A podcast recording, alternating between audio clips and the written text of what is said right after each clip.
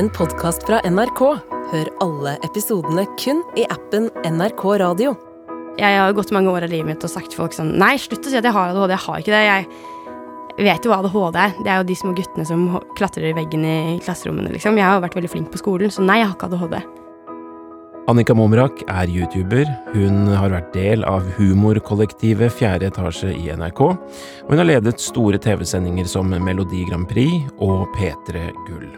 Nå skal hun dele et uh, dikt med meg, og det er et uh, dikt som hun har vært glad i lenge, men som uh, endret betydning da hun oppdaget en stor ting om seg selv etter at hun ble voksen. Det viser seg også at uh, Annika ikke bare har vært glad i dikt lenge, men at det hele begynte med at hun skrev sine egne dikt. Og jeg husker sånn Etter skolen så pleide jeg ofte å gå hjem til farmor og farfar eh, og være hos dem etter skolen. Og da, det jeg gjorde da, var at jeg kom dit, og så gikk jeg rett inn på kontoret til farfar, og så fikk jeg sitte på PC-en hans, og så satt jeg inn i Word, og så skrev jeg dikt. det, var, det var liksom min store hobby. Var det det? Det var det. Og så har jo det dabbet litt av, da. Så jeg skriver ikke veldig mye dikt i dag. Men det var en veldig stor del av meg da, på, på et tidligere tidspunkt i livet. Hva har du med deg nå, Annika? Jeg har med meg et uh, ikke så veldig langt dikt. Et uh, fint lite dikt av Lars Saabye Christensen. Og som jeg kan føle veldig sterkt. Kjenne meg veldig igjen i på mange plan. Som jeg liker godt. Kan du lese det? Jeg kan prøve, men jeg er ikke så veldig god på å lese dikt. Men jeg, jeg, kan, jeg kan, lese det sånn som det står på dette arket jeg har fått. Gi meg en time utenfor døgnet. Gi meg en åttende dag til å gjøre opp for meg, til å komme i balanse. Dette regnskapet som aldri stemmer før døden har føyd til sin sum.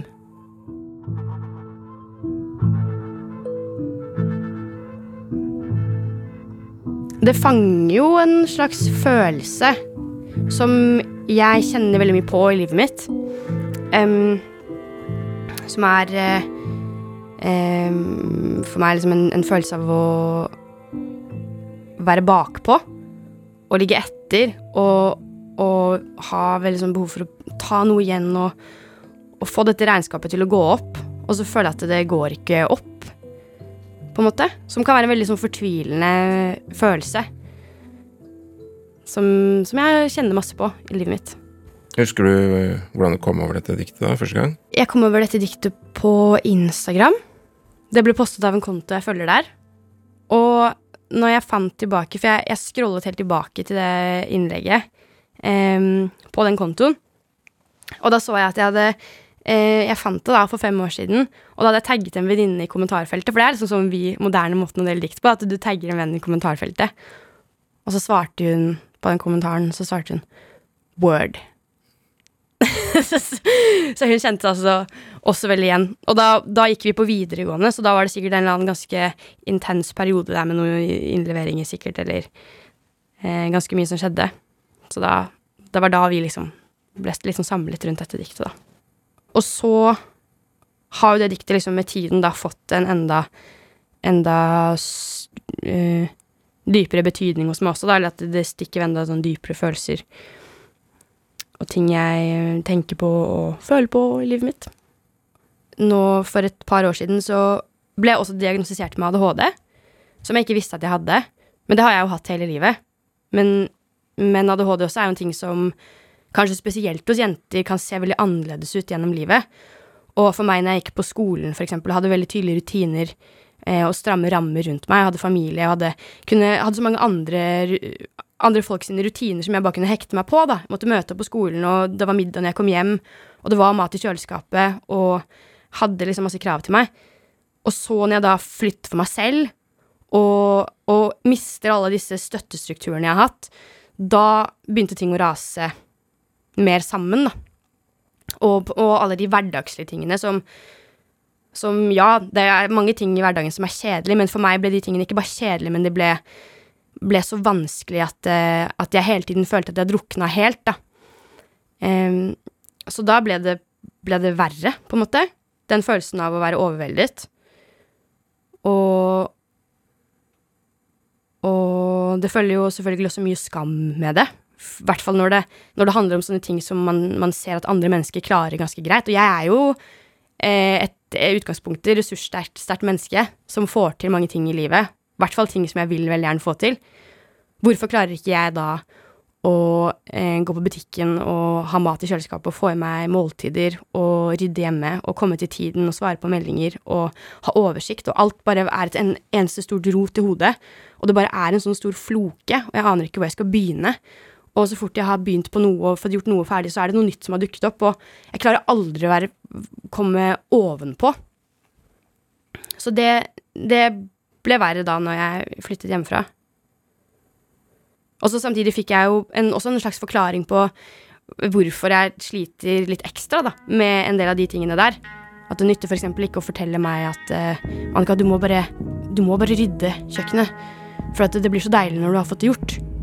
Det er sånn det, Hjernen min forstår ikke hva det betyr. Den, det vil aldri være en motivasjon for meg. Jeg klarer ikke, liksom. Fordi selvfølgelig har jeg lyst til å få det gjort. Jeg kan sitte i sofaen en hel dag jeg, og ha masse ting jeg skal, skulle ha gjort. Og så kan jeg sitte og og, var helt sånn der, det bare, det bare koker inni meg. For jeg, jeg, har så lyst til å bare få ting gjort, men jeg klarer ikke å reise meg fra sofaen. Det føles som at jeg er lenket fast i sofaen. Um, og det er jo en utrolig frustrerende følelse. Så da må jeg heller lære meg andre måter å, uh, å angripe det på, da. Hva gjør du da? Det er ikke alltid jeg klarer å gjøre noe med det, men, men jeg må jeg må finne liksom de tingene som funker for meg, da. Og for meg så er jo det for eksempel eh, For eksempel eh, tidspress funker bra. Eh, for eksempel at jeg kan si til meg selv at nå skal jeg bare Nå skal jeg sette på klokka på fem minutter, og så skal jeg rydde kjøkkenet bare i fem minutter. For det er på en måte Fem minutter klarer hjernen min å forstå hva er. Det føles ikke så evig. Mens hvis jeg derimot bare tenker at nå skal jeg rydde hele kjøkkenet, så klarer ikke jeg helt å, klarer ikke å se for meg i hodet hvor mye tid tar det. Det føles som en evig oppgave. Så det blir altfor stort til at jeg kan klare å begynne på det. Det er som å stå foran en sånn kjempehøy vegg som jeg ikke klarer å begynne å liksom gripe fatt på. Så det å bryte ned ting i mindre oppgaver, f.eks. å ta fem minutter, da, og i løpet av de fem minuttene så får jeg jo gjort ganske mye. Og eksempel si at eh, nå skal jeg gå rundt i leiligheten, og så skal jeg kun rydde kniver og gafler. Det er det eneste jeg skal rydde. Men jeg skal rydde det fra alle rom, for jeg har kniver og gafler selvfølgelig i alle rom. Helt forferdelig. Altså, du skal se leiligheten min når den er på eh, Jeg kan si det er på det verste, men når den er på, på en måte normalen, som er det verste. Så, eh, så går jeg rundt og bare rydder kniver og gafler. Og når jeg har gjort det, så kan jeg få lov til å bare si 'bra jobba'. Nå, jo, nå blir jeg ferdig med den tingen. Og så neste gang så kanskje jeg bare tar eh, eh glass og kaffekopper. Det er sånn, Å gjøre det så konkret, da, det hjelper. Da føles det ikke så umulig å starte. Så det er en del sånne, en del sånne teknikker jeg har blitt bedre på.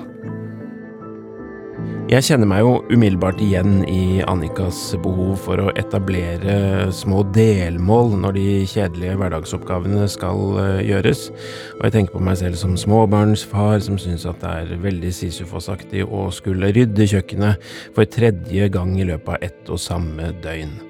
Men Annika skjønte etter hvert at hennes utfordringer var større enn som så. Og det var for eksempel forrige uke så var jeg veldig lei meg en dag. Og Og jeg blir jo helt sånn barnslig lei meg. At jeg blir helt sånn stressa for alt. Det føles liksom at livet liksom raser sammen.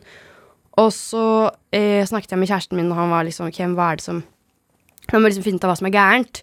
Og så snakket vi en stund om det, og så kom det til slutt frem at det, det, det kom egentlig fra at jeg hadde um, en del meldinger som jeg ikke hadde svart på. Som bare ble liggende som jeg hadde åpna og ikke svart. Og da sa han sånn, ok, Eh, men da gjør vi det sånn at nå skriver du ned en liste over alle, alle meldingene og alle mailene som du ikke har svart på, og så bare går vi ut. Da var klokka kanskje sånn halv ni på kvelden. Så går vi ut, så setter vi oss på en kafé, og så bestiller vi en kaffe eller en, en, øl, og så kan jeg ta med en bok og lese litt, og så sitter du, og så bare gjør du, så svarer du på de meldingene, og så kan du stryke ut fra den lista mens vi sitter der. Og så gjorde vi det, og, og da føles det kjempedeilig. Da fikk jeg på en måte den ekstra timen hvor jeg også fikk litt hjelp til å bare få ting gjort. Men ehm, Men ehm, det klarer jeg jo ikke alltid alene.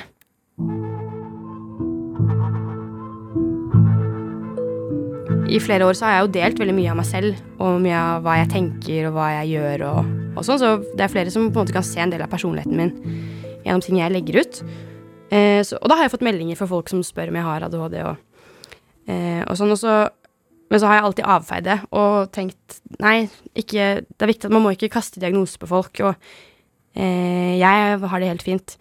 Men så husker jeg det var en jente som sendte meg en ganske lang melding hvor hun, hvor hun var eh, først litt sånn sur eh, og ga meg litt kritikk, hvor hun sa du må passe på hvordan du snakker om ADHD. Fordi når du driver og snakker og du, du vil ikke ha på deg den diagnosen, så må du bare vite at eh, du, har, du innehar veldig mange av de egenskapene som folk med ADHD har. Så når du ikke vil liksom stå inne for det, og når du Så føles det vondt for meg som sitter og har ADHD, og jeg kjenner meg så veldig igjen i deg. Når det er sagt, så skal jeg ikke fjerndiagnostisere deg, men dette er min historie. Og så fortalte hun meg sin historie, som var at hun hadde vært veldig flink på skolen, og det var, det var så mange ting der hun, som jeg kjente meg veldig igjen i. Og hun også fortalte at hun hadde kommet i 20-åra og flytta hjemmefra, og så hadde ting begynt å rakne. Og så var jeg litt sånn Å, shit. Dette her er jo veldig Dette her traff veldig. Og da begynte jeg å lese meg litt mer opp. Og jeg begynte spesielt å lese om, om hvordan ADHD er hos jenter, fordi det er ikke alltid man hører så mye om det. Den klassiske ADHD er jo den som ofte gutter har, som er veldig hyperaktive. Og etter det så, så tok jeg kontakt med legen min og liksom startet på hele den der, Hele den prosessen der, da. Som ble en lang, slitsom prosess.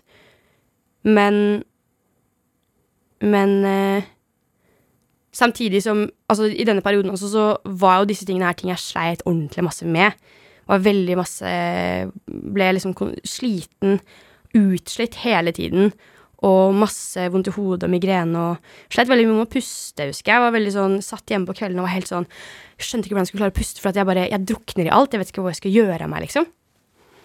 Um, og også veldig mye den følelsen som dette diktet beskriver. Bare sånn, Jeg trenger bare en time, jeg trenger et pusterom, jeg trenger noe utenfor. For det, det her kommer jo ikke til å gå over før jeg dør, liksom. Skal hele livet mitt være sånn som dette? Det tror jeg ikke er meningen.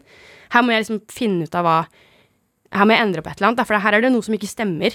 Og hvis dette fortsetter, så kommer jeg til å gå til grunne. Og så Ja, og så fikk jeg, fikk jeg hjelp, da. Men det er stort uh, alvor da, i det der, at du Det var liksom hele tilværelsen som sto på spill der på et tidspunkt, høres det ut som. Ja, absolutt. Og det å føle at man ikke kan fungere, eh, og at man ikke sånn At man ikke kan fungere i jobb. Liksom, skal jeg aldri kunne ha en jobb, jeg, ja, da? For at jeg ikke klarer å eh, klarer å gjøre ting jeg skal gjøre, på en måte. Eller sånn, hvordan skal det funke?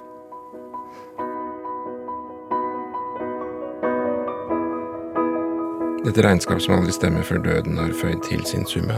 For du, du sa noe om det òg, ikke sant. Skal det ikke bli bra Skal det aldri bli bra, liksom? Skal det være sånn til jeg dør, eller noe sånt, sa du. Mm. Sånn at slutten av diktet her var egentlig med i den Alt dette diktet stemmer for deg?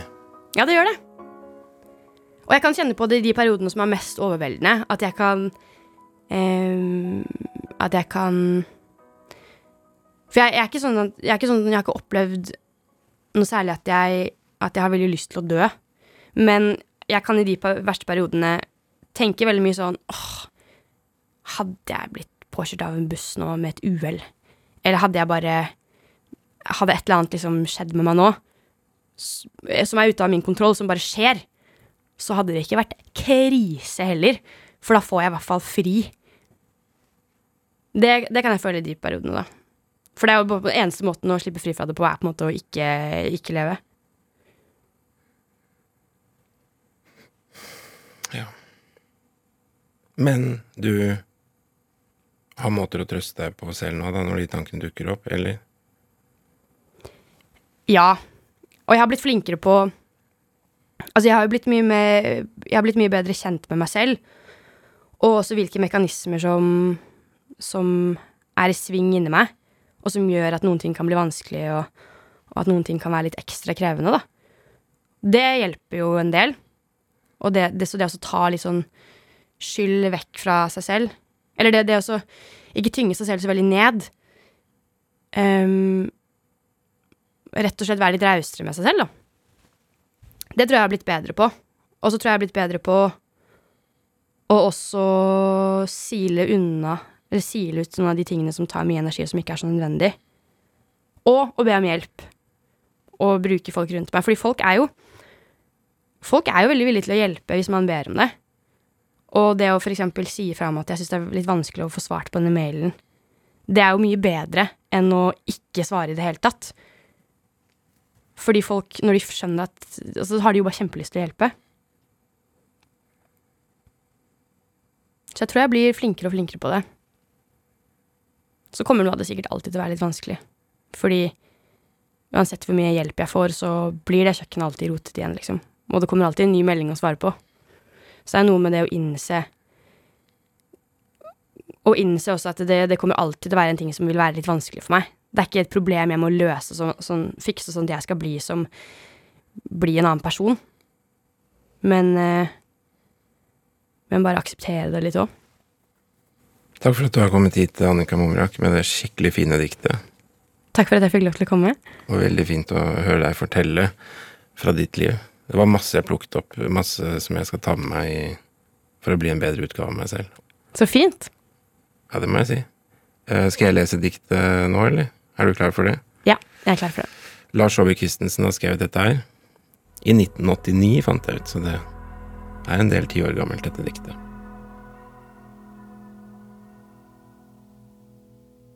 Gi meg en time utenfor døgnet. Gi meg en åttende dag til å gjøre opp for meg, til å komme i balanse. Dette regnskapet som aldri stemmer før døden har føyd til sin sum.